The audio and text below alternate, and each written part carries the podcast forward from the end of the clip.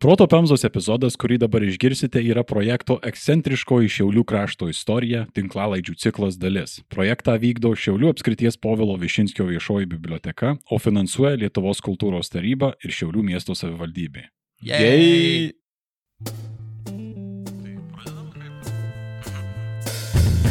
Kraujas, ugnis, brutalizacija, pasaulio paslaptys. Čia proto pemza.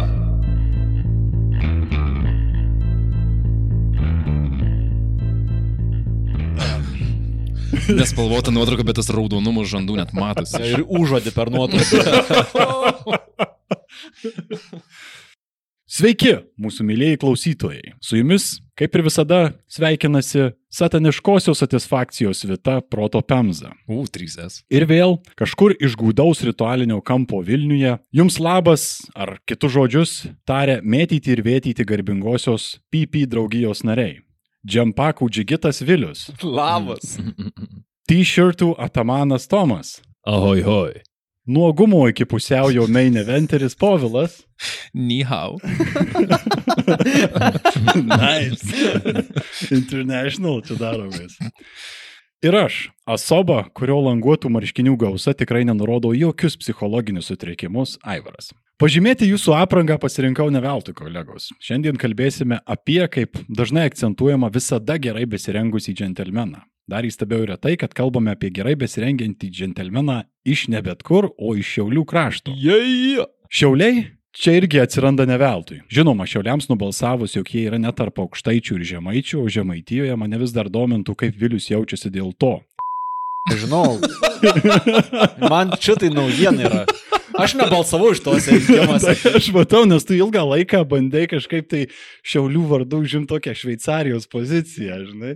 Išeina iš šitos laidos, nežinau. Ne, neišeik, vėliau visgi ne dėl to, turbūt yra pagrindinė priežastis. Mes pakalbėję su savo partneriais iš Šiaulių Povilo Višinskio bibliotekos nusprendėme, kad reikia pakalbėti labiau nuo dušios ir apie tamsesnes įdomybės iš to šiaurės Lietuvos kampo. Ir tų įdomybių yra netiek jau ir mažai. Tik dėja jos yra kiek primirštos. Mes kaip intelektualinio svieto lygintojai norime padėti kiek pataisyti. Pradedame pirmąjį epizodą cikle, skirtame tam pusiau latviškai kalbančiam kraštui. Tikimės. Vėliau nemušk. Tikimės, kad neliksite abejingi Šiaulių krašto paslaptims. Šiaulių krašto paslaptis. Šiaulio krašto pas. Žemaitijos paslapti. Tai žinoma reikš, kad ir mes tenksimės kaip tikra komanda dirbdami kartu ir nesvarbu ar darbo dienomis ar aukodami savaitgalius įdėti dar daugiau laiko tam, kad tos kartais sunkiai iškrapštomos paslaptys jums būtų įdomios ir jūs pasiektų. Blema, šiaip reikia biški boyfriendo taškų užsidirbti, kad galėčiau su jumi rytoj ilgiau pabūti. Tai turit minčių gal kažkokių? Mm, tai mažu gėlių, Mm, žinok, stipriau kažkaip reikia. papuošalai, povalai. Tau panašu, kad aš apie juos kažką tai žinočiau. Ir nereikia. Aš irgi nieko nežinojau. Kreipkis į melų ir tikrai rasi kuo pradžiuginti pačią. Nu, puikiai čia į reklamą persimetėm. Meliau. Melau. Melau yra rankų darbo papuošalai. Ten ir auskarus būsimai žmonai pirkau ir sužadėtojų žiedą, o vėliau ir vestuvinius. Ale ir pastovus, tu jau kap išsirinks, tai te ir liks prie vieno pardavėjo. Numatai, melau gali susikurti personalizuoto dizaino papuošalus. Gali aišku ir iš katalogo rinktis, nesmėčia.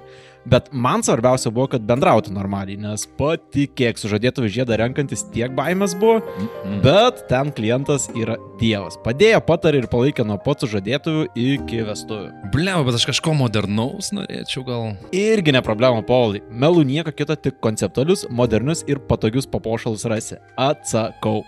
Bet tai brango, ne? Ir čia padėti galima. Tiek tu, tiek ir mūsų klausytojai gali pasinaudoti nuolaidos kodu PEMZA10 ir apsilankę Melų studijoje gauti 10 procentų nuolaidą esamai aukso ir deimanto ekspozicijai. 10 procentų? Taip! Melų studijoje pasakyk kodą PEMZA10 ir gausi nuolaidą. O kur pasižiūrėti reikėtų, ko ten yra? Tinklalapyje mellowware.lt arba Instagrame at mellowjewelry. M-E-L-L-O-W-E-A-R.lt. PEMZA10 nuolaida 10 procentų. Pemza 10! PEMZA10! It's all for free! Mellowware. Šiandien kalbame apie Lietuvos Robinų Hudų, Tado Blindą ir dar visokiais kitokiais epitetais apdrapstytą Lietuvos tarpukarių gangsterį, kurio vardą savo laiku nuaidėjo itin garsiai ir turėjo įtakos net embrioninėje fazėje esančiai mūsų popkultūrai. Wow. Mm. Turime omenyje ne ką kitą, o Stepą Ritskų, kurio legenda tam tikromis prasmėmis yra neperspjauta iki pat šių dienų, nepaisant okay. viso kreizo, kuris dėjosi pas mus, pavyzdžiui, 90-aisiais. Bet pradžiai apie šaltinius. Kadangi geros ir stiprios true crime tradicijos neturime net dabar, ką jau kalbėti apie tarpukarį. Tai ir šaltinių yra labai nedaug. Šitame epizode rėmėmės kraštotyrininko Klemenso Kučinsko tekstais, kurių dalis buvo skelbti Šiaulių naujienose. Pastaruosius papildė tiesiog kiekvienam pervertui lipniai nuostabi akistata, Pauliaus Šarpnickio straipsnė apie Skuodo kraštą, šiek tiek archyvinės medžiagos bei to meto senobinė periodika, tokia kaip Lietuvos žinios ir kriminalinės policijos žinios. Oho. Kur jos dingo? Geras klausimas, pavirto akistatą ir paskui išgaravo. Bei a, truputėlis istorijos detektyvų. Įsitikinę dabar, kad sąžiniais ir keliai švarios, neremia į Stepo Ritskaus istoriją. Jei. Steponas arba Stepas Ritskus gimė 1902 metais Kelmės rajone Bambalų kaimelėje netoli Užsienio. Kodėl ne bambaliukai, man? O, bam, nes bambalų užtenka. žinai. Kai, kai, kažkur kitur mačiau rašai bumbalų, bet bambalai man. Tai bumbulų. Oho. Big tits kaimas. Daugam tai yra negirdėtas, nežinomas ir gal juokingo pavadinimo kaimas. Taip. Kažkuria prasme tas vardas jisai taip nežinomas, kaip da, dažnam turbūt šiandien ir paties Stepo Ritskaus vardas. Tačiau Ritskus nėra nei pirmoji, nei vienintelė legenda kilusi iš Bambalų. Pagal 2011 m. surašymą 10 gyventojų turėjusiame kaime 1810-aisiais gimė publicistas, švietėjas ir pirmojo lietuviško kalendoriaus leidėjas Laurinas Ivinskis. O. Pa, pala, pala, pala. Tai jeigu tu esi iš bumbulų ir... Kiek... Bambalų. Bambalų, atsiprašau, bet tai tik 10 bambališkių buvo? 2011 a, susiradau po to 2021 surašymą ir bambalų jau ten nebuvo. Tai aš O, nesu tikras. Neseniai išnykęs kaimas. O kas per kalendorius tada buvo, jeigu... Nu, Bet jau- bumbulai tada. Manau, gali rasti bibliotekoje. Okay. Gal Centerfold buvo pirmieji. ten gal buvo. Uh, Nežinau, iš, ar- išausti. Mis bambalai. Bet kokiu atveju, po šimto metų nuo Ivinskio šis kaimelis paleido į pasaulį dar vieną vardą, kuris galimai pritraukė prie savęs netgi įspūdingesnę mitologiją nei Ivinskio nu- nuveikti darbai, dirbant su mis bambalai. Bambalų kalendorius. Stepas Ritskus vaikystėje buvo apibūdinamas kaip smulkus ir gana paliegęs, tačiau sumanus vaikas, su, kaip teigia vienas a, to meto bambalų kaimo senbuvis, didoka bajoriška nosimi. Mhm. Okay. Apie amžinatilsio Vytauto Tomko suvaidinto romantizuoto Tado Blindos tvirtą stotą ir gebėjimą spardyti šiknas čia turbūt negali būti kalbos. Viskas turbūt kiek panašiau į Čarlzą Mansoną ar į Alviną Karpį, bent jau iš fizinės pusės. Pa, Čarlzą Mansoną ir Alviną Karpį, o jie nėra baisiai skirtingi du. Jie yra skirtingi, bet aš turiu omeny, kad nėra tos tokios labai imposing fizinės, uh, A, okay. kur gali ateiti ir išdaužyti Okay. tau snukį. Kitaip tariant, iš išvaizdos niekas jo nebijojo. Nu, na? jo, karpio bijojau dėl jo auros turbūt mm. ir dantų neplautų geltonų, bet, mm. bet, bet jo, a, pagavai pačią mintį. Stepukas turėjo du brolius, kuriuos vietiniai prisiminė kaip darbščius ir paprastus vyrus. Nors yra kalbama, kad e, Stepas Ritskus jau nuo mažų dienų užsiiminėjo apie plėšimais, istorikai rausė jo šaukimo į privalomąją karinę tarnybą 1920 metais dokumentus teigia, kad iki tos tarnybos Ritskus neturėjo jokių teistumų, bent jau tų, kurie būtų įrašyti Mhm. oficialiai į dokumentus. Neturėjau tų didelių teismų, yra išlikę legendos tik e, apie tai, kad jau būdamas kariuomenėje, jaunasis stepas pradeda fyrinti įvairias kariuomenės atsargas ir įrangą, bei pusdykiai ją pardavinėja savo gimtajame užvenčių valščiuje. Bet kažkaip sugeba neprisidirbti tiek, kad būtų nuteistas arba išmestas iš kariuomenės. Tai viskas kaip ir ramu.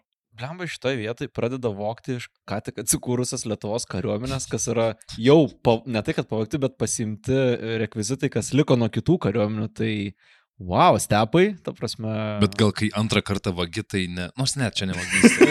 Nebesiskaita. You've taken what I've rightfully stolen. Reapropriacija. O va, pabaigęs savo tarnybą, Ritskus atrodo labai aiškiai buvo apsisprendęs dėl tolimesnės karjeros ir gyvenimo krypties. Turiu nuojauta, kad tarpu kariu tupint kariuomenį dalykai nebuvo per daug zen ten pas jį tolimesniai karjerai. Mažo dabar jau nėra taip blogai? O, jo, žinai, Zen ir IT tikrai koja kojon eina. Mhm, mhm, mhm, mhm. Ypač, ypač kai kas nors daro pakeitimus visoje įmonėje. Įdomu, kad e, šitą pasakėjai Pavlai, už tai, kad Zen ir IT tikrai randa simbiozę. Ir vėl glemba su savo reklamom. Aš spėsiu gal nueiti kur nors. Ne. Zen ir IT tikrai randa simbiozę. A, Zenitech. Zeni fucking what? Zenitech.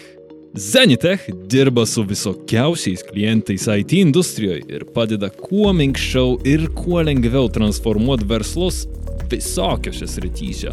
Nuo edukacijos ir žaidimų iki reklamos ir greitos pagalbos tarnybų. Ir visą tai daro su tikslu užtikrinti kuo mažiau streso varantį įmonių augimą ir tobulėjimą. Tu nori pasakyti, kad dirbant su IT įmonėmis įmanoma kažkokį prasmingą poveikį kažkur padaryti? Čia toks įdomesnis biškiai. Tikrai tep. Zenitech tiesiogiai prisideda prie verslo transformavimo į efektyvesnį ir patogesnį ne tik vartotojam, Wow, wow, wow. ale ir darbuotojam. Blemba, retai taip sakau apie IT, bet atrodo, kad gali būti ne tik prasminga, bet ir įdomu. Tai klausyk, Aivarai, už tai, kad tau pasisekė. Jei. Jei tikrai nori kažką prasmingo nuveikti ir jaust, kad darai poveikį, Zenitech kaip tik dabar auga ir ieško motivuotų ir norinčių jungtis prie komandos profesionalų, kurie susidomėję kurt naujais dalykais visokiose srityse. Hmm, Zenitech sakai? Jo, Zenitech, eik į zenitech.co.uk karjeros skilti arba rašyk tiesiai in hr.lt eta zenitech.co.uk dėl darbo galimybių ir gausi daugiau informacijos. Kur, kur? www.zenitech.co.uk arba hr.lt eta zenitech.co.uk Sujung savo zen ir tech.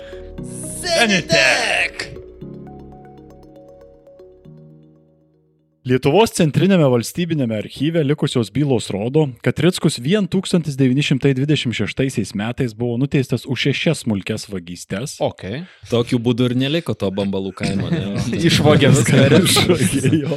Rickus pasižymėjo ir 27 metais, kur yra žymima bent viena tokia byla. Jums gali kilti klausimas, kas yra tos smulkios vagystės. Rickus vogė traukiniais kaip bagažą gabenamus lagaminus, dviračius ir panašias smulkmenas. Hmm. Nu, Ok. Jo. Dviratis netokis smulkus, bet įtariu, kad ten buvo, nu, kaip apjungtas nusikaltimas, kad kažką tai iškrečia ir tada dar dviratį pavogė, kad pabėgti iš ten, kur... Combo. Šiaip įdomu, kad šešis metus per vienus metus nuteisė, bet ne, jau kitais kartus. šešis kartus nuteisė per vienus metus, o kitais metais jis jau vėl voga. Tai reiškia, kad bausmės nebuvo žiauriai Nebuvo, ilgos, ta nebuvo, prasme. Jo, greičiausiai 30 rykščių. tenais. Pasiskaičiuodavo iki tą sumą, iki kiek vogti. Teigiama, kad savo laiku jis netgi pavogė pirmąjį ir vienintelį tuo metu užventyje buvusį dviratį, kuris priklausė vietos klebonui. Stepas ant jo palikto prie sienos tiesiog atsisėdo ir nuvažiavo. A, dešimtmečiais e, prieki visų kitų. Aš galiu tiesiog paimti ir nuvažiuoti. Wow! Ir dar nemokėdamas, Damn, okay. kojom pasiramdamas. Kaip su paspirtu. O kokia buvo idėja pavokti vienintelį Jo. aparatą tokiam? Nu tai stepai iš kur gavai? A, nusipirkau. Neprirakintas. Ir čia negali teist per daug, nu, smalsaus jaunuolio. Čia pačiam klebonui reikėjo prisirakinti dviratį pa- pa. kažkur. Jaunuolio 25 metų, ne? Pagal Europos Sąjungos iki 30. Jaunimas vis dar. Ar 35 yra jaunimas. Jo dabar nukėlė, nes mes vėl jaunimas tapome. Yes, pagaliau. Net jaučiu. Mhm. Mm. Auga plaukai vėl. Dingo žilė. Vietinių legendose Stepas Rickus net įsirėžė kaip pokštininkas. Kaip 2009 metais Šiaulių kraštui teigė Rickų menantis buvęs Bambalų kaimo gyventojas Boleslovas Lydis, Kartą persirengė kunigu, važiuoja per užventį pas ligonį, skambina varpeliu, moterys klaupėsi, o paskui paaiškėjo, kad ten Rickus pravažiavo. Pabučiuok jam į užpakalį. Tai, pala, jisai ne tik, kad pavogė klebono dviratį, bet dar ir persirengė kleboną. Taip, Taip, bet čia vienintelis legalus būdas buvo naudoti dviratį, kad galėtum iš taško į tą. Įs- Įsivaizduoju, kiek kartų tam klebonui kažkas po to aiškino, kad jis po visokius ten barus važinėja. Ir tu, nu tai kur buvai? Spjaudosi keikėsi, rūko kancarus. Nu, blemo. Bet čia trolinimas. Jo, Nu, taip skaitosi. ankstyvasis. Jo. Taip, Va. taip proto trolinimas. Davatkų vietinių. Būtent dėl dviračių vagysčių Ritskus buvo laikomas labai moderniu vagimi, nes tuo metu dviračiai buvo dar tik sparčiai populiarėjanti transporto priemonė. Ir šitas iškilys dar mūsų istorijoje vėliau. Blema, tai Aivar čia Grand Theft Auto. Gaunas tai tarpu kario Lietuvos uh, versija. Okay. Pabėgti per 60 sekundžių. 2 km. Pasakojama, kad pačiam Ritskui nušvitimas vokti daugiau dviračių atėjęs vieno teismo dėl kitos vagystės metu. Šio teismo eigoje jam dašilo, kad pavokti ir iškišti dviratį yra daug lengviau nei kokį nors brangų ir lengvai atpažįstamą daiktą, kurį kam nors perparduoti po to gali būti gana problematiška dėl kai kurių pirklių nenoro prasidėti su visokiais šešėlingais veikėjais. O tai vienintelis dviratis 100 km spinduliu nėra. Aš turėjau šitą klausimą irgi, tai čia gal Boleslovas netaip atsimena ar kažkas tokio, bet... gal toliau tiesiog nuvažiavo, vis tiek su dviračiu gali toliau nuvažiuoti. Ir ten, kur žmonės tavęs skersi, nebežiūri, jau Jo. kad tu su dviračiu važinėjai, jau gali parduoti. Kitas kaimas niekas nepažįsta, nieko Jo. nežino. O žiūrėk, klebonas dviratį pardavinėja. Tai... Aš turiu klausimą. Viliui. Kie... Kiek šiuliečiai reikia? Mūsų vietinis e, ekspertas.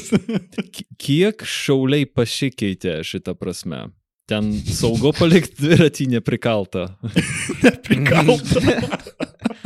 Blema, geras klausimas. Tom iš tikrųjų iš manęs nėra pavogę nei vieno dviračio. Nes neturėjai. Uh, turėjau. No. Vokta. Ne, ne, ne, nei vienas nebuvo. Ir pats nesu pavogęs nei vieno dviračio. Tai Klebonai saugus. Jo. Jo. Šiaip tai ne, nežinau, bet mano beveik visi draugai voktis dviračius turėjo. Bet patobulėjo, kad nebevogė vietoj iš užsienio atsiveždavo. Tai Milijoninė rinka, kaip bebūtų šiais laikais. Kas buvo Amsterdame ir matėt, kaip kanalai jų atrodo. Nu jo, bet mes bambaluose. Tai šiaip, Tomai, a, kalbant apie dviračių vagystas, tai yra didžiausia dviračių vagystė nutikus ne šiauliečių padaryta, bet šiauliam, nes buvo iš šiaulių. Ai, ne, visai ne Iš, tai. iš to fabriko? Ne, šiaip tai. meluok. Šiaip tai atvirkščiai, nes man rods po karo e, sovietai pavagė įrangą iš Vokietijos ir jie atvežė iš Julius ir padarė dviračių fabriką. Kuris čia- šiuo metu Baltic Vairas. Labai gali būti, kad fakefacts.com šitoje vietoje yra, bet jeigu teisingai atsimenu, tai čia didžiausia vagystė yra dviračio, kokia gali būti. Bet šiauliam tai čia geriausia dviračio vagystė, kuri galėjo įvykti. Jo, jo, visiškai, visiškai, bet kai tavo visa industrija prasideda nuo voktos įrangos, čia žinai, e, duok žmogui žuvį ir išgyvens vieną dieną, pavok visą dviračių gamyklą ir... e, Turėsi Baltic vairą. tai tos dviračių vagystės ar supratimas, a, kad jas daryti naudingiau, nereiškia, kad Ritskus taiga ekskluzyviai tapo Vitorijo Desikos neorealistinio kino šedevro dviračių vagys lietuviškos versijos personažu. Ir yra Lietuvoje bent vienas klausytis, kuris suprato šitą represą. Ritskui vis dar patiko lagaminai, kuriuos dažniausiai vokdavo, kaip ir minėjau, traukiniuose. Iš archyvų. 1928 m. birželio 23 d. 23 val. 30 min. Kauno universiteto studentui Mečiui Kohanauskui važiuojant traukiniu iš Skuodo Šiauliuosna, trečios klasės vagonė mažiekių stotys sustojus traukiniui ir išėjus Kohanauskui bufetan, iš vagono kažkas pavagėjo likusi čemodaną, kuriame buvo du revolveriai, baltiniai, pusbačiai, kepurė ir daug kitokių smulkmenų. Wow, jis toks madingas plėšikas gal buvo, ne? nu, su tais revolveriais šitaip įdomu. Jo, du revol- Lietuvoje buvo. Ir pagalvo, kad e, turėjo būti visai... Ta prasme, jis turėjo turėti juos legaliai, nes jeigu tu policijai sakai, kad e, du revolveriai buvo pas mane, tai jiem Ai, nu. turi, turi atsakyti, kodėl. Ta prasme, O policija, nu jo, jo, bet kiek baltinių mūsų sakykime. jo, jo. Prie svarbesnių reikalų, prie svarbesnių. Ei, o ką jeigu, alternatyvi istorija, o ką jeigu Ritskus sustabdė traukinį norėjusiai apiplėšti Kohanauską? A? Gal jis yra iš tikrųjų neapdainuotasis Batmanas. A, klausykit. Man atrodo, jis apvogė lietuvių Max Payne. Jo, ir dėl to Lietuva galiausiai. Istorija susiklosė taip, kaip susiklosė, nes tie du revolveriai būtų pakeitę. Vis. Protingas studentas Mečys iškart movė į stotyje buvusią geležinkelio policiją, kai užuodė, kad jo lagamino nėra. Pastaroji ėmėsi darbo ir rado moterį teigusią, jog lagaminą iš vagono išsitempė du jauni kostiumuoti vyrai. Nežinia, kiek yra tame tiesos, tačiau pasakojama, jog dėl to, kad tuo metu Lietuvoje buvo tariamai mažiau vagių, gerai savo apylinkės žinantiems policininkams moters pateiktas jaunuolio apibūdinimas iškart nurodė į jiems jau labai neblogai žinomus žulikus Stepą Ritskų bei tokį Antaną Zubavičių, tuo metu gyvenusius mažaikiuose. Tai Zubavičius būtų Robinas. Jo, taip, taip išėjai. Čia, vat, Aivarai, įdomu, ar e, tiek mažai buvo vagių, kad policininkai galėdavo taip lengvarės, ar čia toks, nu, jeigu vagia, tai bus tie ir jeigu vagystą, tai sudedam ant, uh, ant šitų. Šitų. Nu, aš greičiausiai linkęs. Kažkur tarp šitų. Jo. Kam dirbti, jų gali nedirbti. Bet tai Stepas gal galėjo neparduoti to dviračio, nuvažiuoti kažkur vokti kitų dalykų, kurio nepažįsta. Galėjo, galėjo, bet vat, ne, ne, nesugalvojo tiek toli matomai. Gal galvoju, kad jo niekas nepažįsta mažaikiuose jau, bet, nu, kiti laikai jau. Kadangi šito įvykio aprašymas atsidūrė archyve, galite numanyti, kaip visa istorija pasibaigė. Mm. Su lagaminais stepui nelabai sekėsi. Policija iškart žinojo, kur kreiptis, movė į mažaikiuose esantį būtą. Apie tai liudijo archyvas nupiešiantis ne tik gana komišką sceną, tačiau galbūt praskleidžiantis ir paties Ritskaus vagių garbe paremtą santykį su savo kolega. Ta pat naktį pas juos nuvyko policininkas Balys Virbickas su kitais ir rado ant buto aukšto abu jos gulinčius po vieną anklodę. Batai abiejų buvo šlapi. Klausėmi Ritskus su Zubavičium užsiginė pavogę Kohanausko čemodaną, bet padarius smulkę kratant, aukšto buvo rastas užvalkalas su Kohanausko daiktais. Po to Ritskus prisipažino vagystę Kohanausko čemodanu, bet pasisakė, kad tą vagystę papildė vienas be Zubavičiaus. O. Tai, kažin, ar Kohanauskas dar norėjo tų baltinių, ar jau šlapė, tai Geras klausimas. Man pačiam, žinai, kilo tokių įtarimų, nes du vyrai po vieną antklodę, šlapi batai. Antklodė buvo sausa, ar... o nemini. Istorija jo. Čia gal Bet tai- policininkai raportą norėjo duoti, kad patys suprastų. O, visą. gali būti, gali būti. Paskui tas pats Kohanausko čemodanas, toks kaip pelenys karieta, po vidurnakčio staiga pavirto tiesiog užvalkalai. Viskas buvo sudėta. Bet Nu- Ritskus prisėmė kaltę už, uh, Už savo Zubavičių. Tai ką Ritskus padarė Zubavičiui, kad bijojo, kad tas išduos? Ką Zubavičius Ah. padarė Ritskui? Arba Ritskus pašymė baltinius, o jo kolega revolverus. Mm, gali būti. Čia- Gali būti. Arba Čehanauskas tiesiog pasakė, kad turėjo ir čemodaną, ir du revolverius. Žinok, dar ir tūkstantis dolerių buvo tenai įdėta. Pilna, pilna viskas. Visko buvo. Du revolveriai, ai nežinau, kad penki. Ir naujas dviratis. Apvalkalė. Žodžiu, labai daug įdomių detalių, tačiau stebina tai, kad Ritskus nusprendė išlaikyti draugo užpakalį sausą, bent jau policijos akivaizdoje. Bent jau metaforiškai. Bent jau metaforiškai. Tiesa, tas neįtin padėjo, gal net priešingai. Kilnusis Ritskus 1929 metais buvo nuteistas už šitą nusikaltimą dviems metams kalėjimo. Wow. Deja, tačiau neišsisuko ir Zubavičius. Norite, tikėkite, norite, ne, tačiau jis gavo tris metus kalėjimo, nepaisant to, kad jį Ritskus bandė išsukti. Iki šiol tebe vyrauja klausimas, ar dėl to, jog uh, už Zubavičių Ritskus laidavo, reiškia iškart plus vienerius metus bausmės automatiškai, ar tiesiog viskas taip jau negerai atrodė tenais tyrėjams. Vis labai keista situacija, kad gavo tas, kurį kaip ir, na, Mhm. bandė pasakyti, kad jis čia neprisidėjęs. Įdomu, kaip tais laikais teisingumas veikia Lietuvoje. Kiek buvo tokio, man atrodo, kad meluoji. Mhm. Trys metai. Jo, jo. Ir proceso, ne? Ar kažkokio skaidraus ir, ir, ir tiesiog. Manau, bent dalinį atsakymą į šitą klausimą gausi šiek tiek vėlesnėje istorijos dalyje. Aš kažkodėl įsivaizduoju, tie šlapi batai, ta visa iš ponklodės išlenda visi ir Ritskus sako, ne, aš vienas vagiau. Ir policininkas sako, man atrodo, tu meluoji. Ne, ne, aš vienas tikrai vagiau, man atrodo, tu meluoji. Plius metai draugui. Ne, ne, aš tikrai vienas, nori dar plius metų draugui. Ne. Gali būti. Rickus, nepaisant savo turtingos smulkvagystės istorijos, jau tuo metu iš kalėjimo buvo paleistas vos po metų ir iškart pamiršė savo modernumą, puolė prie senų fetišų. 1931 m. rugsėjo 4 d. Šiaulių apygardos teisme Stepas Rickus buvo nuteistas už tokio Juozo Soko lagamino vagystę ir ūkininko Stepo Mineikio spintos iškraustymą. Bet bičias labai mėgsta iš uždarų patalpų. Jo. Iš, iš, bet žinai, seifas, ne, čia jau Jo. iš per daug būtų, Jo, bet nu, spinta. Daug darbo, sprogdinti reikia. Jo, jo. Šiaip įdomu, kokias yra jo e, sėkmės procentas, kiek pavogė lagaminų, kas kilintą lagaminą jį pagauna. Geras Jo, klausimas. žiūri, geras klausimas. Kiek spintų buvo šiauliuose pra, pranešta? reikėtų patikrinti, nes, nu, mes tiksliai nežinosim dėl Ritskaus, nes, na, nu, kaip čia ir Berots Bernardas Gailius rašė, kad uh, nusikaltėliai dėja nepalieka rašytinių šaltinių. Dažniausiai, Dažniausiai. nerašytinių Mhm. nepalieka, tai, tai dėja. Nebent Stalinas kokias net. Jo, jo. Tik kad ne, nerašalų rašo. nu jo, jo. Uf. Tai va, tai jis iškraustė spintą, pavogė vėl lagaminą, nu ir rimtesnė ir bausmė gavosi šį kartą. Penki metai laisvės ateimimo Šiaulių sunkiųjų darbų kalėjime. 1933 metais Stepas Rickus buvo perkeltas iš Šiaulių į tuo metu be nemoderniausią Lietuvoje Kretingos sunkiųjų darbų kalėjimą. Moderniausias, tai ten visi su dviračiais lakstė. Ten buvo pirmasis e, Amazono sandėlis visam pasauliu, dėl to ir vadinasi sunkiųjų darbų.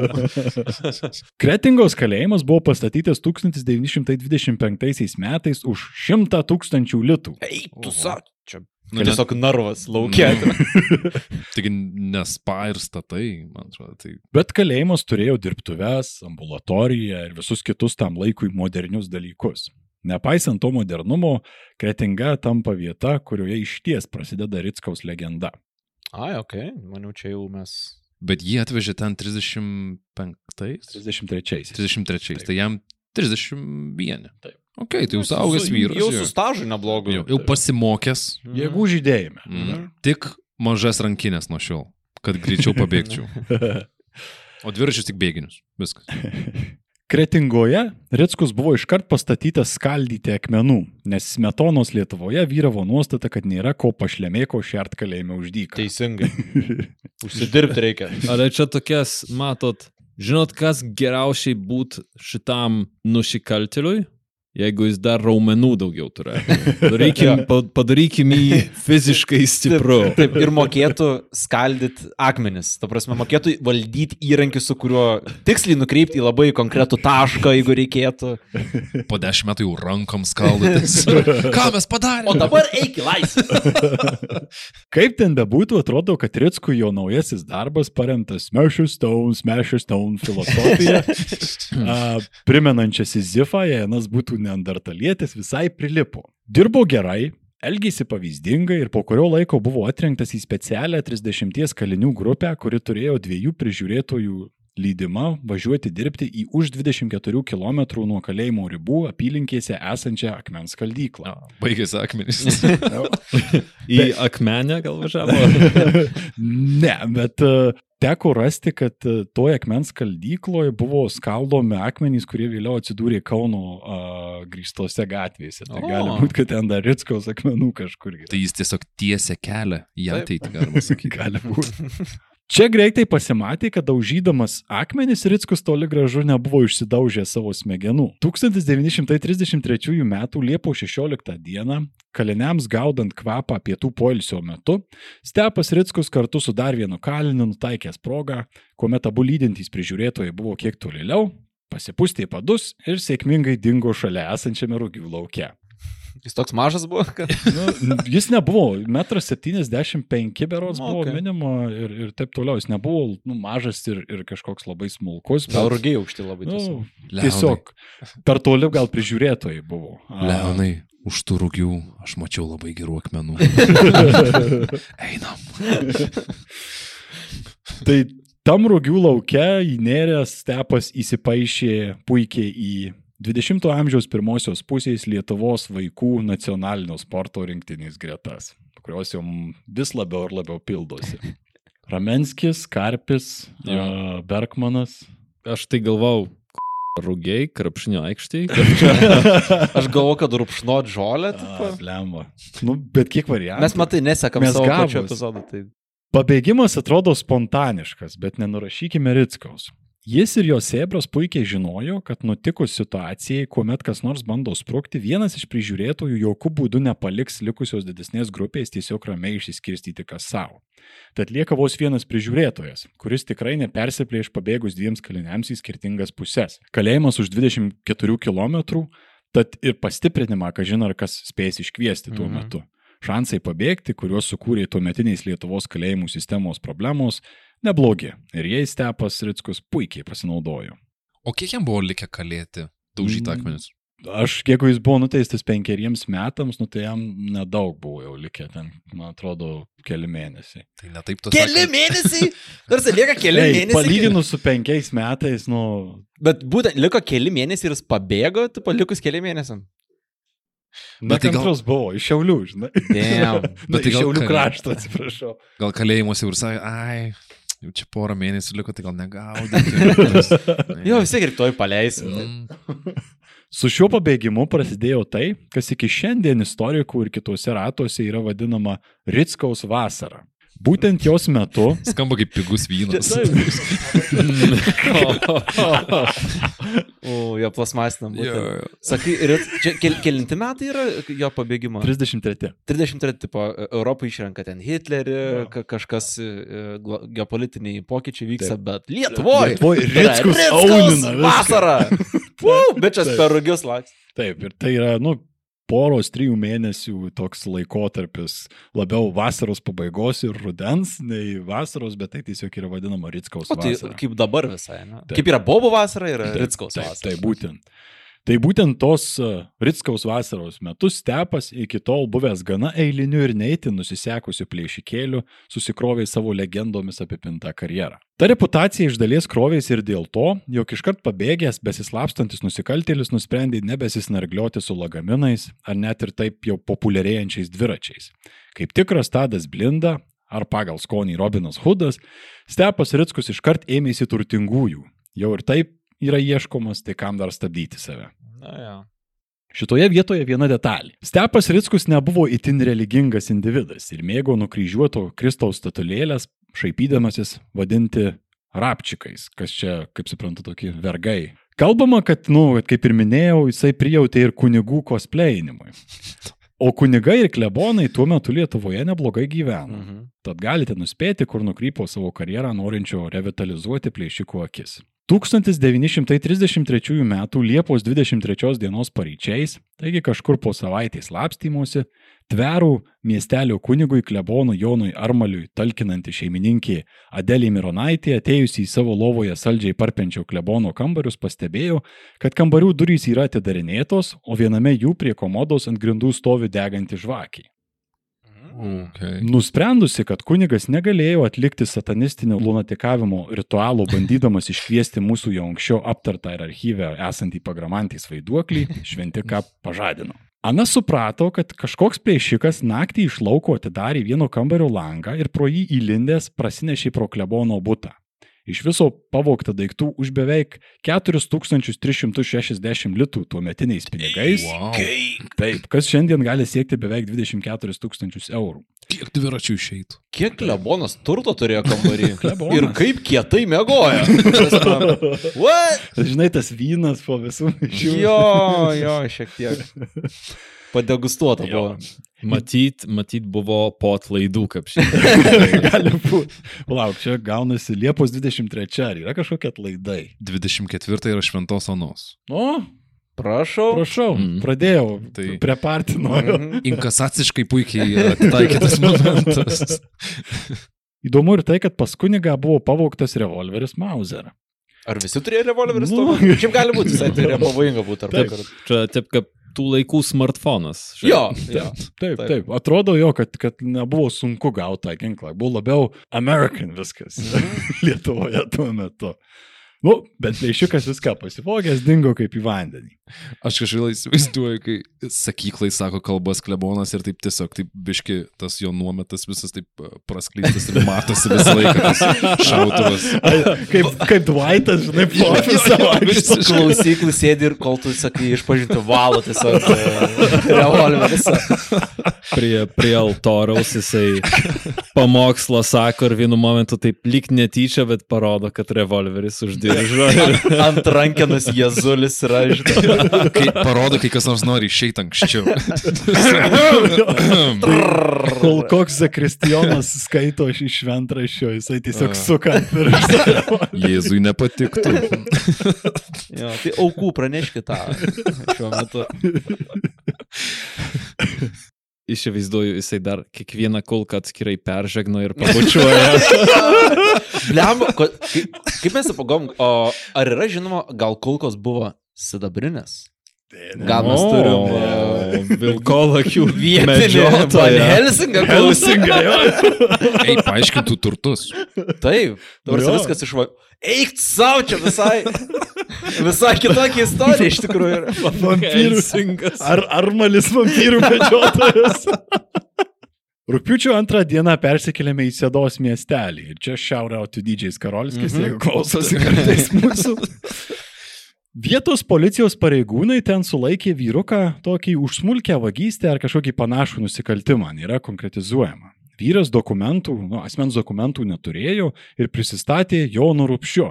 Pas jį kišenėje buvo rastas pistoletas Browning bei neaiški piniginė. Tokio ginklo turėjimas pareigūnams pasirodė aišku įtartinas, tad Jonse nutarta perduoti Šiaulių policijai tolimesniam tyrimui. O, ne. Čia toks, kai pas, pas tokį uh, kažkokį žoliką naujausias iPhone'as. Kažkas net. Įdomu, kad uh, ginklą apibūdino kaip ginklą, bet keista piniginė. Kuo? Ta prasme, kas? Pareigūnai surišo vaikinui kojas ir rankas bei įmetė į policijos ekipažą, kuris tuo metu buvo dėja ne modernus dviratis, o vežimas su arkliu. O, nice. Man įdomu, ar, ar dažiai, pavyzdžiui, kažkokiam specialiom spalvom vežimą, kad, kad tipo policija. Vietoj šviturėlio gaidys uždėtas. Ir, ir arklys su tokia balta juosta iš abiejų pušių. kad matytų iš toli. Vadelioti ekipažo sėdo policininkas Aleksas Gylys. Kas nutiko vėliau, turbūt geriausiai apibūdina vėlesnis sėdos policijos viršininko raportas. Kelyje sėda trikšliai 11 km nuo sėdos miestelio. Apie 12 val. atsipalaidavęs rankinius pančius, įtariamasis išvertė policininką gilį iš vežimo ir, esant dar kojoms prirakintams prie vežimo, visų smarkumu nuvažiavo su policijos arkliu apie 3 km iki trikšlių miško, kur atsirakinęs kojų pančius pasislėpė, pasiimdamas lydėjusio policininko gylio portfelį su dokumentais, paketų numeris 1696 ir ten buvusiais daiktais, pinigais ir revolveriu.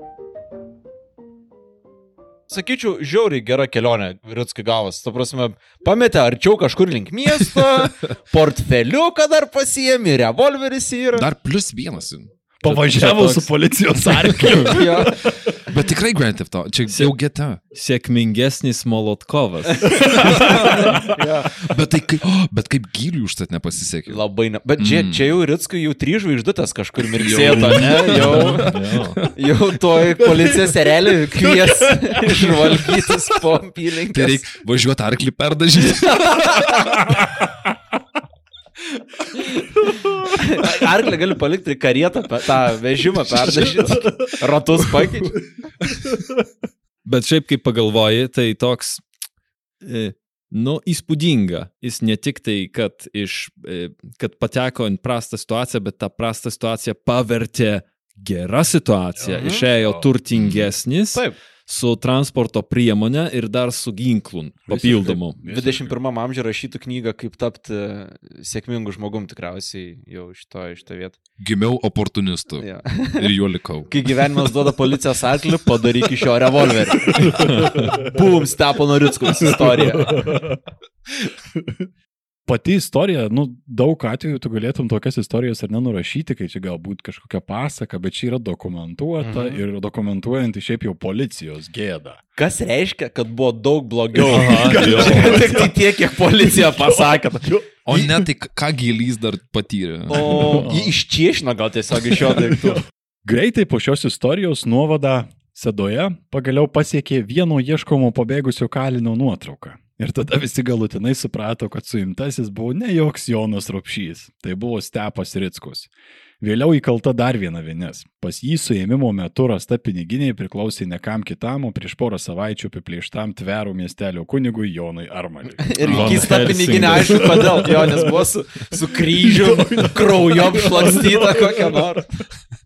Ir dar, durklas man. ir dar iltis kažkokio žvėries. Su ma maža angant, ilties pabaigoje. Įdomu, kad ne visos policijos nuovados turėjo dar jo nuotrauką pradžioj, kad čia buvo kažkas, mhm. Mhm. ko reikėjo laukti, kad, kad neturi interneto, net, net neturi fakso, neturi būdo žinot, kas yra ieškomas šiaip.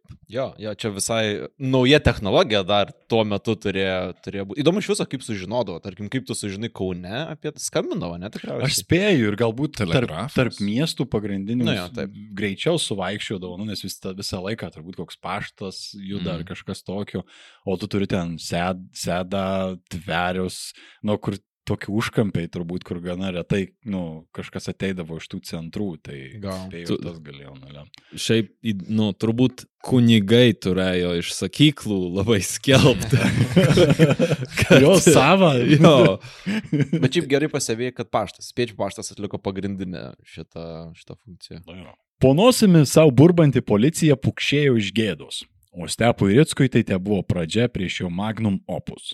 1933 m. rugsėjo 11 dienos vakare Telšių apskrityje Varnių miestelėje esančiame žydų liaudės banke pasirodė plėšikas prisidengęs veidą juodą kaukę. Išsitraukęs 7,65 mm kalibro Browningo revolverį, jis suriko. Stovėt ir gult! Pirma mintis, perskaičius apie šią situaciją, bent jau man buvo ta, kad nei velnių nežinočiau, ką reikia daryti. Mane tai... Ai, šaukit. Mane turbūt ir nušautų, nes aš pradėčiau kaip botas tiesiog. Tai, taip stipriai sujukia tavo suvokimą, kad tiesiog dingsi, nes realybė su... Šrioding- Šriodingerio būsena. Sproksta gal. Pritupi. tie, kur sėdė atsistoja, tie, kur stovi atsigula. Tuo metu bankė buvę vedėjas Borisas Veksleris ir jo padėjėja Haja Bojaitė kažkaip atsirinko, ką daryti ir išsaugojo savo gyvybę.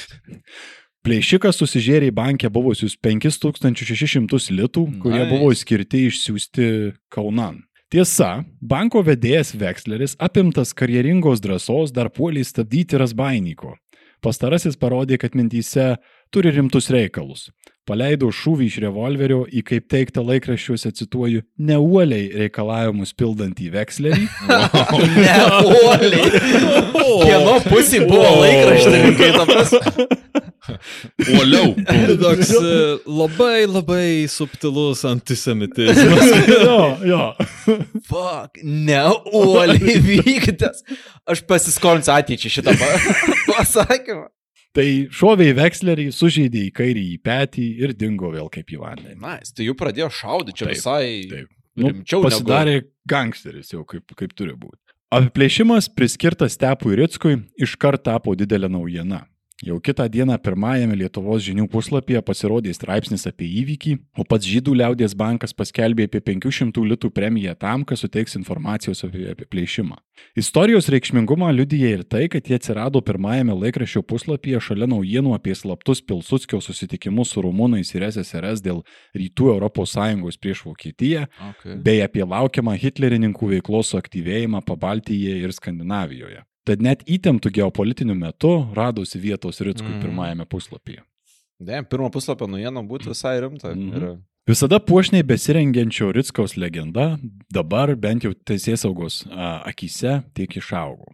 Tačiau krūviną vyšnę ant torto turbūt uždėjo 1933 m. rugsėjo 27 dienos įvykiai. Tos dienos vakarą Šiaulių rajone Šakynos klebonijoje vietos klebonas Juozapatas Barzdžius ir šeimininkė Kotrina Juchnevičiūtė vakarieniavo. Bėda ta, kad jie susėdė prie stalo neužsirakino durų. Nors neaišku, kiek tai būtų apsaugoję nuo plėšikų, atviros durys turbūt suveikė tik kaip dar didesnis kvietimas. Kaip uodai. Jo, suskrido. Jo.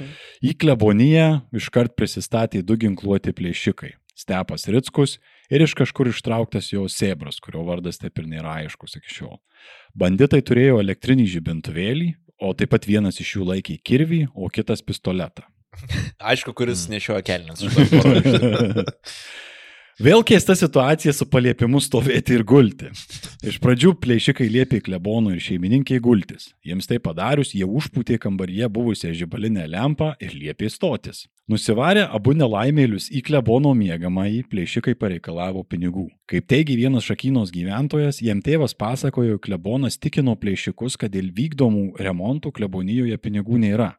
Tačiau tuo pat metu bandė pagriepti komodoje gulėjusius revolverius, kuriuos taip pat turėjo. Atrodo, kunigai buvo apsiginklavę, kaip reikalas. Tikriausiai Ritskus nebuvo pirmasis plėšikas aplinkui, ta prasme, reikėjo turėti. Bet Jo. panašu revolverį, jeigu turi, tai ką žinai, ar laikyti Mhm. reikia, ne? Taip. Laikyk Tai, prie, prie kaip- šlaunies. Jo, prie šlaunies. Arba prie bambalų. Arba prie bambalų. taip. tai va šitas klebono ginklų laikymas stalčiuje buvo lemtinga klaida. Banditai greitai suodė jo klastą ir patys pagriebė ginklus. Plėšikas su revolveriu jam suriko. Žaltyti, nesakysi, kur pinigai? Šią repliką sekė šūvis kunigui į galvą. Jep. Pastarasis leisgyvis nuvirto ant lovos. Antrasis plėšikas prie jo dar prišoko ir sudavė per tą pačią galvą su kirviu. Nu kam? Nes aš irgi dalyvauju. Jo, jo. Mhm. Šventikas kraujuodamas greitai mirė. Šeimininkė bejėgiškai stebint iš suskaldytos galvos kraujuojantį kunigą, galvožudžiai išvertė visus klebonijos kambarius. Pabėgo pasičiupę du klebono revolverius, apie 360 litų, 1000 litų vertės auksinės monetas, butelį spirito, konjako, dėžę saldainių, marmelado ir buteliuką kvepalų. Tai viską išsinešė. Labai pelningai, iš tikrųjų. Šiaip dabar, kaip sakai, kad jie ir šį kartą sakė stovėti ir gulėti atėję, pradedu galvoti, kad jie tokie biški dužbegai tikriausiai buvo. Mhm. Ir žinai, specialiai su painio žmogu ir tikiu, kad po to, kai dviese kalbėdavo apie savo tuos bairius, he, matai, kaip nežinau, kaip reaguoti. Gali būti, gali būti iš tikrųjų. Vietiniai sako, kad vėliau tuščias spirito butelis buvo rastas Šakynos kapinėse, duodant suprasti, kad plėšikai spėjo dar jį po žmogžudystės ištaškyti prieš judėdami tolin. Nors tarpu kariu žmogžudystė nebuvo kažkas naujo po Lietuvos dangumi, tai, kad nužudytas Doras kunigas sukėlė rezonansą. Lietuvos kriminalinė policija iškart pažadėjo tūkstančio litų premiją už vertingą informaciją. O 1933 m. spalio 19 d. dalykai tapo oficialūs. Šią dieną Lietuvoje buvo išplatinti plakatai su Stepo Riskaus nuotraukomis O. ir su premijos pažadu padedant sugauti Rasbainiką. Celebrity. Taip. Mhm. Čia turbūt galime netgi teikti, kad Stepas Rickus peržengė ribas ir neoficialiai tapo public enemy number one Lietuvoje. Lietuvoje. Aha. Blemba, tai būtų faina, jeigu tuo metu būtų buvę Lietuvoje premijų medžiotojai Taip. su, su revolveriu Taip. prieš launies arba bumbulų. Ieškot, stop, eik, eik. Jo. Jo. juodais Čia vežimais. lietuviško westerno yra, Yra. siužetas. Yra Ir tikrai. dabar premija yra jau pusantro tūkstančio, ne? Taip. Taip. Bankas duoda 500, e, Policija policija irgi. 1000. Jo, Jau jo, jo. Grieko vertas jau. Tai yra. jau grieko vertas. Ir ne, ne kiekvienas tikrai būdavo su tokia premija tuo metu. Pats skelbimas yra vis dar išlikęs ir juo O, pasidalinsime savo socialinėse medijose. Blemba, jo išvaizda tokia visai... Bajoriška? Ne tai, kad barškais atrodo šiuo metu, kai žiūri iš kitą pusę ekrano, kad biški smirkta yra tokia... S- Smug. Nu, jo, jis, kaž, jis Nu, kažką žino. ta Prasme, okay, visai Bet- kitaip įsivaizduoju. Bet kartu ir jo išvaizda yra tokia, kad vien žodžiais, jeigu aprašysi, tai tu neką pasakysi už tai, kad jis Mhm. neipatingas Jo, iš žvejo. jo. Labai lietuviškai atrodo. Vi-. Vidutinio veido, vidutinių akių. Puikus vagis, ne? Jo. Puikiai išvaizda. Visiškai plėšiukai. puikiai. Jo, jo. Informacija, nors ir nepatikima, pradėjo plaukti iš karto, nes naudė ir pati policija. Gana greitai sulaikė Stepo Ritskaus pusėserę Juzę Valteraitę, porą pastarosios giminaičių, taip pat kalėjimo laikų draugus Kazį Kairį ir Kazį Laurinavičių. Kazei. Broliai kaziai. Not related. Sulaikytieji, demistifikavę Ritskų kaip vienišą plėšikėlį, prisipažino, kad Stepas prieš kelias dienas pas juos buvo apsistojęs, daug girtavo, o kažkam ir pinigų paskolino. Pora žmonių buvo nuteisti už voktų daiktų laikymą, kuriuos nu, jiems atidavė Ritskus. Tačiau turbūt rimčiausiai atsirūgo draugeliui Kazijui Kairiui. Vykdant kratą Kairio namuose, jo darže buvo rasti apdegę nužudyto šakynos klebono paržžiaus laikrodžio dangteliai. Ne vieną teistumą turintis Kazys buvo apkaltintas ne tik vagystę, tačiau ir bendrininkavimu žmogžudystėje. Kairys aišku visko išsigynė. Taigi gavęs laikrodį iš paties Ritskaus, o kai pasirodė plakatai su juo, sudaužęs laikrodį akmeniu ir tiesiog ją įmetė ugnin, kad čia Mhm. atsikratyti visko. Mm. Yeah. Taip ir, Jo. taip ir reikia daryti. Taip turbūt ne, kiekvienas darytų. Kairys teigė susipažinęs su Ritskumi 1929 metais Šiaulių kalėjime. O po to 1933 metais su juo bastėsis po Žemaityje, kur atlikė smulkių nusikaltimų. O po to sakė jau nelabai turėjęs reikalų. Kaip teigia, vienos rudens vagystės metu Ritskus baisiai ant kairio supyko, kad šis elgėsi bailiai ir nepaėmė verandoje jam paduoto puodo su uogomis, supanikavo ir per anksti pabėgo.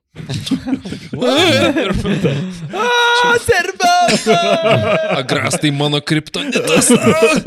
Ir pabėga. Alergiškas buvo. Raudonai. Ei, ei, tu čia nejaukinga. Nu, baig, ašgi tau sakiau. Besiginčiant dėl šio didžio fiasko, Stepas Ritskus užvažiavo Kazijui Kairiui per dantis ir jų draugystė efektyviai tuo baigėsi. O po savaitės Kairys jau buvo suimtas. Tai čia viskas vyksta pakankamai arti Mhm. a, įvykiai vienas kito. Tačiau konkrečiai dėl Šakynos klebono Kairys sakė turys ir alibi. 33 metų rugsėjo mėnesio pirmadienį prieš Šventą Mykolą mano motina išvažiavo pas žentą Čečką, iš kur sugrįžo į namus tik ketvirtadienį, 28 rugsėjo.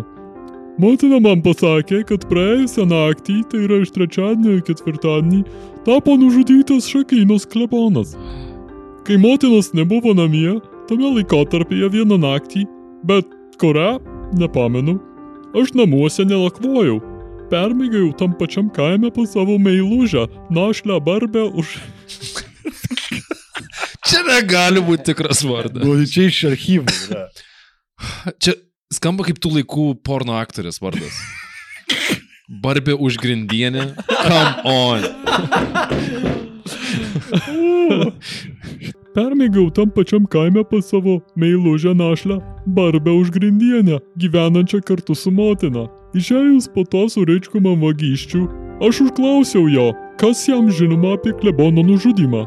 Rickus atsakė, nieko nežinos, bet dabar aš myslėjau, kad tą nužudymą tikriausiai bus įvykdęs Rickus su kitu kokiu nors savo draugu. Klebono nužudyme aš su Rickum nedalyvavau. Ir tą nužudymo naktį, kaip dabar atsimenu, tikrai esu pas Barbę už grindienę nakvojęs. Ką gali paliudyti ji ir jos motina Bar Barbė? Barbi. Pa, pa, pa, pa, pa, pa. Dukros vardas Barbė Taip. ir motinas vardas Taip, Barbė. Barbės. Dvi barbės. Tai jis buvo name su dviem barbėm. Taip. Wow, Taip. wow. Wow. Barbė Geriausias- už grindienę. Geriausias, Okay. geriausias alibi Wow. Aš buvau namie su dviem barbėm. Ir Ar buvau namie su meiluže mano, barbė, nepažįstė iš kito miesto. Ir jos mama. Barbė. Barbė. Čia irgi kambarį, kur nors lėlė tiesiog mėtis ir toks, žinai. Barbė. Barbė. u- Už grindienį. A, penki metai. Stovykla. Daužys akmenis, nieko nežinau. gal Barboras tai vadindavo. Tikriausiai, bet vis tiek jo, Barbė jo, yra labai amazing. juokinga. Barbė už grindienį. Jo. Wow. Nu, istorija labai tokia nuoširdė atrodo, bet bėda buvo ta, kad nei viena iš kairio minėtų barbių nepatvirtino jo pasakojimo. O, ne. O tai reiškia, kad Kazys stojo prie Šiaulių apygardos teismą kaip įtariamasis žmogžudystės byloje. Tačiau nepaisant rezonanso ir turbūt visuomeniai spaudimo greitai rasti atpirkimo ožį, Šiaulių teismas nepasuko rusiškų kelių ir pademonstravo itin blaivų protą. Kaip prašome, teismo sprendime dėl Kazio Kairio Suradimas pas kairį nužudyto kunigo barždžiaus sidabrinio laikrodžio viršelį su žalčiais, nors ir kalba už tai, kad čia kas tai turėjo bendro su nužudimu, tačiau teisiamojo kairio aiškinimas, jog jis yra gavęs laikrodį iš Ritskaus, nesant byloje kitų objektyvių įrodymų, yra tikėtinas. Šitų duomenų akivaizdoje Šiaulių apygardos teismas randa, kad byloj trūksta davinių, kad teisiamą į Kazį Kairį apkaltinus inkriminuojamu jam nusikaltimu ir todėl patikto apkaltinimu jis turi būti išteisintas. Tai va, Tomai, Wow. tau yra atsakymas į klausimą, kaip veikė teismo procesai bent iš dalies Lietuvoje tuo metu. Šiuo atveju buvo pademonstruotas mano akimis labai racionalus ir, Mhm. mhm. ir, ir blaivaus proto prieimas, kad vien Mhm. už kažkokio daikto buvimą negalėjo nuteisti žmogaus. Nu čia klausimas už tai, kad šitoje vietoje aš įsivaizduoju, kad e, publikai reikia Ritskaus kraujo. Mm. Niekom kitų jį nepasitenkis. Tai nežinau, čia visiškai, visiškai spekuliuoju, ale gal tiesiog ieškojo, kaip papirkt kazį, kad jis išduotų Ritskų ar padėtų jį sugauti. Bet tai a, kairys turėjo laikrodėlį, kaip sako, ir nei viena barbė nepatvirtino, kad jisai Ale. ten nakvojo. Bet, Tai jis bet uh, nėra jokio Tiesioginio. tiesioginio Tik įrodymo. circumstantial Taip, taip, evidence. būtent, kas, rei, kas labai teisiškas požiūris žiūrėti į Taip, tą procesą. Būtent, Tai... pagal, pagal dvasę raidę, nežinau kaip tai pa- pavadinti. Taip, taip. Tomo, tavo versija gal ir būtų tikima, bet iš kitos pusės man atrodo, kad tuo metu visuomeniai net ir sėbro radimas ir nuteisimas būtų irgi tam tikras atpirkimo momentas, kai nu, reikia tiesiog... Sudeginkit! Jo, jo. Ir šiuo Juolab- atveju irgi buvo pasirinktas kelias to nedaryti. Kazys Kairys išvengė nuosprendžio kaip žudikas, tačiau gavo 8 metus sunkiųjų darbų už vagystės ir žmogžudystės slėpimą. Uf. Nes jis reiškia žinojo apie ją, bet niekam nieko nesakė. Aš kažkaip maniau, kad jisai Jack Free išėjo tiesiog. O, kad ne. Na, Aštuoni metai, tiesa, 1937-aisiais, čia kažkur po keturių, gal mažiau metų jis buvo paleistas dėka amnestijos. Okay.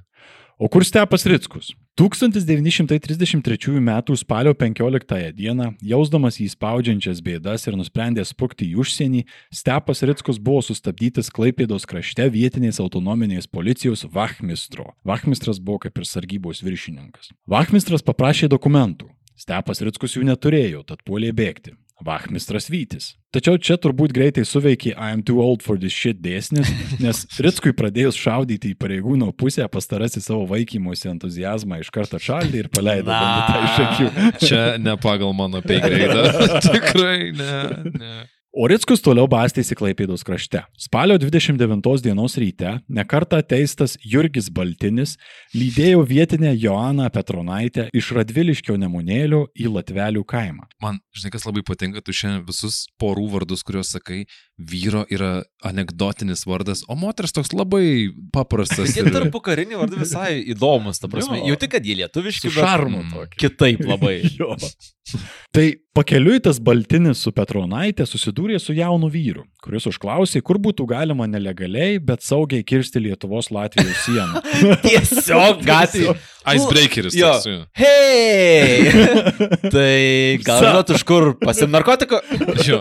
Ne tai, kad kaip jūs, ką veikiat, gal žinot, kur sieną kirsti. Nu, pora nesutriko, matyt, nebuvo taip jau. Nei, Retas klausimas. Jo, klausimas.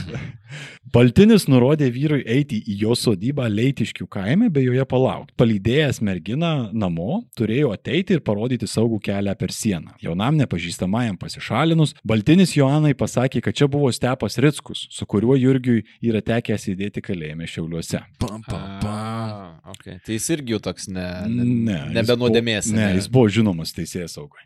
Tai žodžiu, išplepėjo Baltinis. O ką padarė Joana išgirdusi šį vardą iškart po to, kai Baltinis ją parlydėjo namo? Ogi susisiekė su pareigūnais. Matyt, mažasis Baltinis po Baltinio Baltiniais jos neviliojo taip, kaip tas tūkstančio litų atlyginimas. If you know what I'm saying. Wow, varai, wow. Žodžių žaismas. Kaip prašyta tuo metu Lietuvos žiniuose, Nemunėlio Radviliškio nuovados viršininkas gavęs naujienas iškart pasigrėbė du policininkus ir šį kartą sėdęs jau ne į vežimą, o į visą automobilį, wow. važiavo tikrinti sodybos leitiškį. Užsuka. Na, pradžia. Pakeliui sutiko sodybon žingsniuojantį Jurgį Baltinį. Pas kurį, cituoju, dažnai prisituri visuomenės tvarkai ir ramybei pavojingi žmonės. Mm, okay. Policija Baltinio paklausė, kas pas pastarą įtėjęs. Baltinės nepasimetė ir pasakė, kad buvo sutikęs nepažįstamą žmogų, kuris teiravosi kelio į netoli esantį suosto kaimą. Policija žinoma nepatikėjo ir pati toliau važiavo į sodybą. Prie jos privažiavę pamatė laukan išbėgantį žmogų be palto ir kepurės. Stepas Rickus, kuris ten ir buvo, pamatęs policijos automobilį puolė bėgti. Policijai sušukus stoti, bėglys tik dar labiau pagreitino tempą. Policijai neliko nieko kito, kaip atidengti ugnį. So anyway, I started blasting. Bet Rickus nebuvo visai pėšęs. Nepaisant pavojaus, atsisuko ir paleido keletą šūvių ir pats atgal į pareigūnus. Maniau, kad išsitrauks dviratį iš kažkur. Jo, jo. Šokant lagamino. Bet pretty intense, kad atsišaudo. jo, jo, jo. Oficialiojoje pasakojimo versijoje teigiama, kad šūviai buvo tokie taiklus, jog policininkams, cituoju, beliko tik kristi ant žemės gelbėjant savo gyvybę, o piktasis žmogus dūmė į priekį. Jo, tikrai tiesiog neišsigando. A, kaip garsiai, a, aš negaliu. Susidarius distancijai, policija vėl bandė Rasbainiką sekti. Susirado netgi pakeliui daugiau ginkluotų piliečių bei šaulių, kurie sudarė savo pasį grupeles, bandė talkinti policijai gaudynės. I love it, kaip visi įsijungia tiesiog. Einam, einam, Supras, kad aišku. čia didžiausias nuotykis tais metais tikriausiai. Bandžio pradeda groti. Policininkam prireikė kempinių kulkoms Ritskaus, ne? Ir pas- Realiai Kažkuria prasme jo. Nors apie sužeistuosius kaip ir nėra pranešama. Tai jūs eikit pirmi čia. Įstatymo vardu. Jūs čia vietiniai geriau vis tiek žinot, kur. Besivaikomas bėglys pribėgo nemunėlį, skiriant į Latviją ir Lietuvą. Momentas tarytum iš Hollywoodo filmo, kuriame didysis kreščendo yra sekamas iš ryšimų, kur Rickus kaip Steve'as McQueenas dinksta horizonte? Deja, ne. Stepas Rickus, turbūt suprasdamas riziką susijusią su šaltu oru ir jį matančiais, taigi ir šauti spėsiančiais gaudytojais, metėsi nuo upės ir dingo Lietuvos pusėje esančiame miškelėje. Mhm. Čia turbūt ir baigėsi tikslesnės žinios apie tai, kas su Ritskumi nutiko, nes bent jau oficialiai nebėra pranešimų apie jį. Žinoma, 1933-34 metais žmonės policijai pranešinėjo, esą tikrai, tikrai matė Stepą Ritskų. Vienų jis atseit prašė parūkyti, kitus gazdino su lasdelėm paslėptom po savo drabužiais, tarytum tai būtų pistoletai. Čia rimtai yra tokia istorija. O, va, tokia dabar. Jo. Kiti kalbėjo, kad patyręs politinį atsibudimą klausinėjo, kokiai partijai žmonės priguli. Buvo kalbų net apie tai, kad kaip kokia Igno Šeiniaus kuprelio versija, jis gyvena miškiai išsirausęs urvą. Wow. Jo. Iki pat šių dienų dar. Jo. Greitai policijai pabodo tikrinti tokias visokiausias pasakas, o vėliau netradosi ir toks pašaipus posakis, kad žmonėms pranešus policija sugavo du Ritsku, o kokie keturi pabėgo. Ritskui kurį laiką buvo priskiriami visi sunkesni nusikaltimai, juo buvo gazdinami net ir vaikai. Okay. Tai toks bugymenas. Aha. Mm, jau tautosakos dalim tampa. Aha. Visiškai, visiškai. Radosi ir niekur nebūtų legendų, kad Rickus Šiauliuose išsvaidęs visą būrį policininkų, o prie sienos nujoja su žirgu bei su juo peršokęs nemunėlį bei nurūkęs tiesiai į Rygą. Taip, ir galiausiai jis visas padidėjo, pasidarė žalias ir užkopė į dangorį. Yra liudijimų, kad vėliau jau vokiečių okupacijos metais 1941-aisiais kažkas su juo sėdėjo kalėjime, kur vokiečiai Rickų galiausiai sušaudė. Tačiau patvirtinimų šiai versijai taip kol kas istorikams ir nepavyko rasti. Blemba, jau matau komiksą, kur Rickus tampa vokiečių kokio uh, eksperimento auka ir Visiškai. tampa pusiau metalinis. Wolfenstein bosas. Jo, jo, jo. jo. Žmogus revolveris. Šalia šitos vokiškos versijos kalbėta, kad per Lenkiją jis pabėgo į Vokietiją, nes buvo pusėseriai užsiminęs apie tokius planus. Yra versijų, kad net apsivilko rudą uniformą ir tapo Štefanu Ritskumi už nusikaltimus baigusių dienas Buchenvalde. Tačiau atėjus sovietams šie taip pat atnaujino jo paieškos bylą, kas turbūt reiškia, kad tas likimas ir sugavimas taip ir liko neaiškiai. Mhm.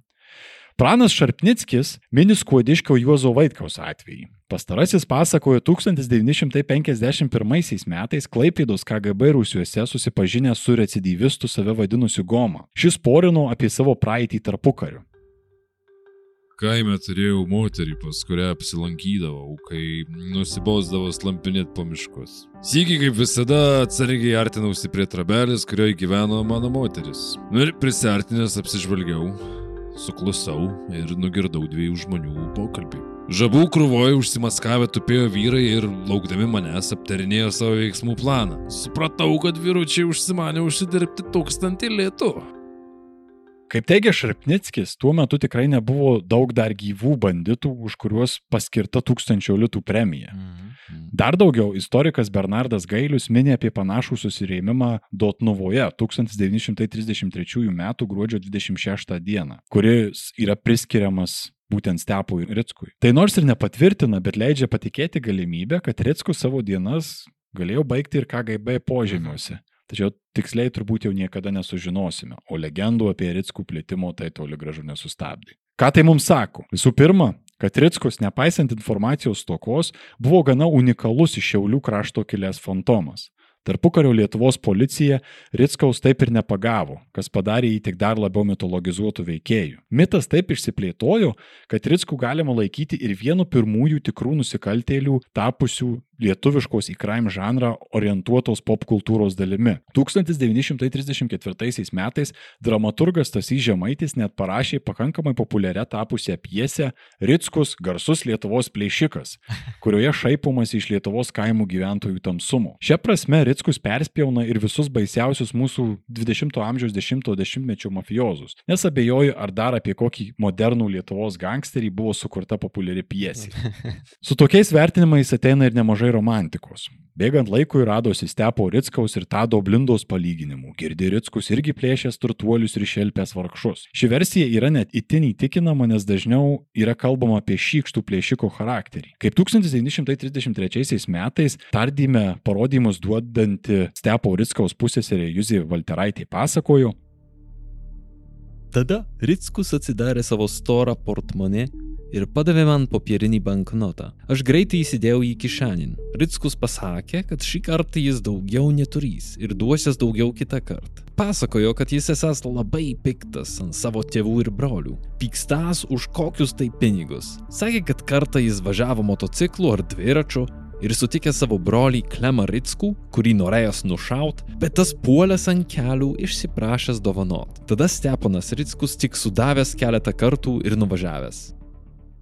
Šis liudijimas turbūt eilinį kartą parodo, kad nors ir gangsterių gyvenimas iš šono atrodo romantiškas, šios asmenybės turi daug tamsesnę pusę, kuri gali atsisukti net prieš artimiausius žmonės, ką jau kalbėti apie nelaimėlius papuolusius po apiplėšimo taikinio. Tad ir Stepo Ritskaus, nors taip ir nesugauto, nederėtų romantizuoti. Tačiau kaip vieną unikaliausių lietuviškų nusikaltėlių eksponatų kilusių iš Šiaulių krašto jį prisiminti tikrai verta. Nors istorikas Eduardas Gailius savo knygoje Nusikaltimai prie smetonos teigia, kad nepaisant visos mitologinės pompastikos Ritskus buvęs tik eiliniu recidyvistu, kažin ar tiesiog eilinis recidyvistas būtų taip prikaustęs visos šalies dėmesį net ir įtemptų politiškai metu.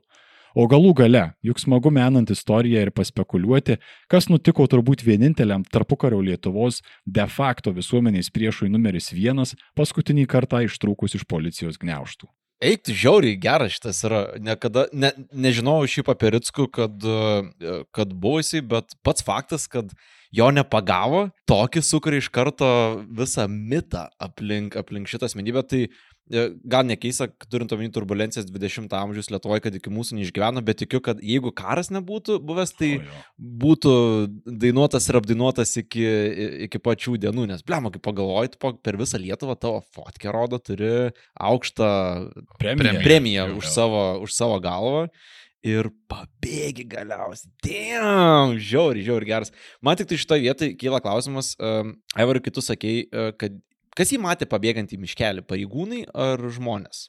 Pareigūnai, nes ten yra kalbama apie tai, kad e, po to pareigūnai, aš dabar neatsimenu iš biržų ar iš kur, jie netgi tą miškelį buvo apsupę, konkretų miškelį ir jame šukavo, ieškojo Ritskaus, bet nieko nerado. Nes aš vis galvoju, jeigu pareigūnai yra tie, kurie matė paskutinį, ar negali būti, kad jie tiesiog jis perbėgo per upę ir jie Mhm. galvoja, eh, Jo, tai taip ir būtų pasakę, bet jie pripažino, kad miškelį žinai, Lietuvos ga- pusėje. Galbūt kodėl nesivijot, ar kodėl Nu nenušovot. Ar... Ei, bet tuo pačiu šitie patys policininkai, kurie krito nuo šūvių, kurių sulaukė iš Ritskaus. yra įdomus šitas irgi aspektas. Faktas, faktas, bet, bet nusakau, kaip ir minimo, kad, kad miškelį iššukavo, nerado ir tai buvo dar viena tokia Lietuvos policijos gėda tuo metu, Mhm. nes nesugebėjo rasti, o matė, kur Kunigo nubėgo. žudiko, ta prasme, čia ir ne, ne bet ko. Niekaip neatkasė jo. Ačiū, Aivar, už istoriją. Man, žinai, kas patinka, tas laikotarpis atsineša su savim labai daug tokių ypatingų detalių, kurios niekada nepasikartos. Pavyzdžiui, ta svarbiausiai, turbūt ta informacijos toka, kuri ir galbūt biški greičiau leido išaukti tokiam nusikaltėliui, Mhm. tai ta pati informacijos toka leido ir išsikerot tam uh, uh, mitui apie jį ir dėl to tokia mysterious and spooky visa šita istorija tokia. Aišku, ten kyla klausimų, ar tikrai jisai pabėgo, kodėl, pavyzdžiui, niekas nepasakojo, visi pasakojo, kad matė jį, kodėl neatsirado tokių, kurie sakė, kad, ajo, aš jį nudaigojau, pavyzdžiui, ir Mhm. biški pasigaut savo kažkokių nusikaltelio taškų ir taip toliau. O jei nedaug dievė prisimeluos ir Mhm. ateis stepas naktį. Jo, A. jo, būtent, būtent. Tų pinigų pasiimti. Kaip Povilai sakai, kad uh, informacija negalėjo sklisti taip, kaip, pavyzdžiui, dabar sklinta, įsivaizduoju, kad žmonės turėjo pasakoti vieni kitiem apie, o tai žinojai, Ritskus patarė ir tą padarė, ar tai žinojai, Ritskus nepagauti, tai čia buvo pokalbių kažkoks uh, dalyvis, vis- pasąmonį Mhm. gyvenantis. Mhm. ane? Bet jis juo ir liko Mhm. ta, tuose pokalbiuose, nes kur daugiau. Ir mes šitą demoną prikėlėm dabar. Oh, no. Nu, Reiks namuose. padarysi? Reiks, žinot, viskas. Iš stalčiaus išsitraukit revolverius prie šono. Bet cool istorija, šiaip labai buvo Aha. įdomu. Ačiū. Jo, gera istorija. Kažkaip priminė man tokį lietuvišką Jesse Jamesą. Mm. Nežinau, ar Jo. žiūrėjot, kas tą, tą fi filmą visai neblogas Jo. su Bradu Pitu. Jo. Rekomenduoju Assassination of Jesse James, um, kur imam vos nemitologizuojam tikrai šūdo gabalą. Mhm. Jo, skambėjo. Banditas, tai buvo banditas, kuris šaltakraujiškai žudė žmonės, plešė juos. Ir nebuvo tokias sofistikuotas, kaip Karpis, pavyzdžiui, neturėjo tokio įspūdingo sąrašo planų, pabėgimų, bet vis dėlto buvo gudros ir slidus žaltys. Ir matyt, tikrai kelia, kelia baimę ir e, respektą bent jau tarp Mhm. Man šitą istoriją parodo, kad Karpis, būdamas Lietuvoje, irgi būtų Oi, galėjęs. Arba atviršiai Ritskus išmestas į kitą terpį irgi būtų tikriausiai radęs ten kokį bankelį. Visiškai. e, Nu, nu- nuknekinti. Jo. Bet ten, kur, ten, kur Karpis atrodo smegenim dirbo, Taip. Tai čia Ritskus tiesiog tokiu akip, akiplešiškumu Visiškai. ir nedvėjodamas jis, jis puldavo ant žiaurumą. Ir šitą istoriją man labai patinka tos baltos dėmes, tie dalykai, kurių nežinom. Nes tikrai buvo nusikaltimų tarp tų O jo. bjauriausių O jo, nusikaltimų ir tikrai buvo kažkas po to pabėgimo tuose tarp dviejų totalitarinių režimų esančiuose skliaustuose rytų Mhm. Euro, centrinės rytų Europos ir kokias jo buvo, ar jis buvo pavyzdžiui kažkokias tai sovietų galvažudys, ar jis buvo nacijų galbūt kolaborantas, o Yra. gal Yra kažko- versija, kad žydus šaudė po to. būtent ne, ar vis dėlto dašibaigė kažkur kalėjime, ar tai KGBistų, ar tai e, SS. Galima, biški, e, įdomu, kad nežinai, nežinosim, kaip buvo, tas nežinomybė leidžia spekuliuoti, bet kartu ir fuck, tai būtų įdomu sužinoti tą. Nes tų versijų prikurta, nu aš čia dar nesudėjau, yra versija, kad jis kažkur prie Stalingrado sušalo. Nu ten visokiausių. Yra. Visur, su, e, Forestas Gampas e, Jo, gavosi, visur, visiškai, visur. Visiškai, visiškai. O sofistikacija, jo, aš irgi šitą, kai, kai skaičiau, nes man buvo tas toks irgi kilęs noras lyginti su Alvino Karpinu, bet tu paskui skaitai tą informaciją, kur yra ir tu supranti, kad jis nėra toks jau Mhm. a, susidėliojęs viską. Bet šiek tiek apie galbūt sofistikuotesnį a, Ritskaus amžininką mes pakalbėsime idėjų komposto epizode, tai pažiūrėsim, ar Tomas bus patenkintas tuo pavyzdžiu ir patikės tuo pavyzdžiu. Kaip dar negirdėjęs, jau galiu pasakyti, kad jo. Būčiau patenkintas. Tai slidus, impulsyvus žulikas. Mhm. Užkerėjęs Lietuvos žmonių pasąmonę. Tai ačiū Dievui, kad nėra šiauliečiai šiandien tokie, kaip, kaip Ritskus buvo savo laiku. Mhm. Ne, ne, ne. Tikrai, tikrai, tikrai ne. Tai gerai, turbūt ačiū visiems išklausiusiems, kolegoms, klausytojams. Tikimės, kad šitas pirmas epizodas iš mūsų ciklo apie Šiaulių kraštą jūs taip pat šiek tiek sudomino, galbūt privers ir, ir, ir palavinti ir jūs fantaziją, kas galėjo ten su tuo Ritskumi būti. Galbūt kada nors bus padarytas tikrai išsamus tyrimas apie Gal tai. žinote, ką nors iš O, tikrųjų, gal galbūt. seneliai Jo, ir- Čia yra Stepai. labai įdomu, gal yra pasakojimų. Stepai, Jeigu- jeigu, jeigu klausai. Ačiū, kad klausai, stepai visų pirma. Stepai, protapemzeta.gmail.com. Parašyk, kaip to baigė. Ištaisyk mūsų, galbūt, ne, gal tu net nebuvai su to klebonu tenai, ištaisyk amžių šitą klaidą ir papasakok savo istoriją. Mes suteiksim tau eterį tikrai. Tai jo, ateikit pas mus į Contribui, sekit mūsų socialiniuose tinkluose, uh, užeikit į rubriką Ką šneka Lenkija, ten visada yra ašarų ir juoko toks kalambūras, kurį jums deliverina Tomas susigadinę savo nervus kiekvieną savaitę. Mes matom, kiek jam tai kainuoja. Žmogus akise tiesiog vysta, žinot, stengdamasis dėl jūsų. Taip. Bet Taip, vis, viską dėl jūsų. Taip pat rašykit mums į protopemza.gmail.com, kalkit komentarą, jei kaž su kažkuom nesutinkat, arba sutinkat, arba sutinkat su kažkuo, kas su mumis nesutinka. Mes skaitom ir mylim. Uh, Aptarinėjom po to, taip, žinokit. taip. Tai Tai iki kitų kartų. Iki visi, iki stepai. Iki. visa gera. Ir kaip visuomet, ypatingos padėkos mūsų kokteilio tyro remėjams.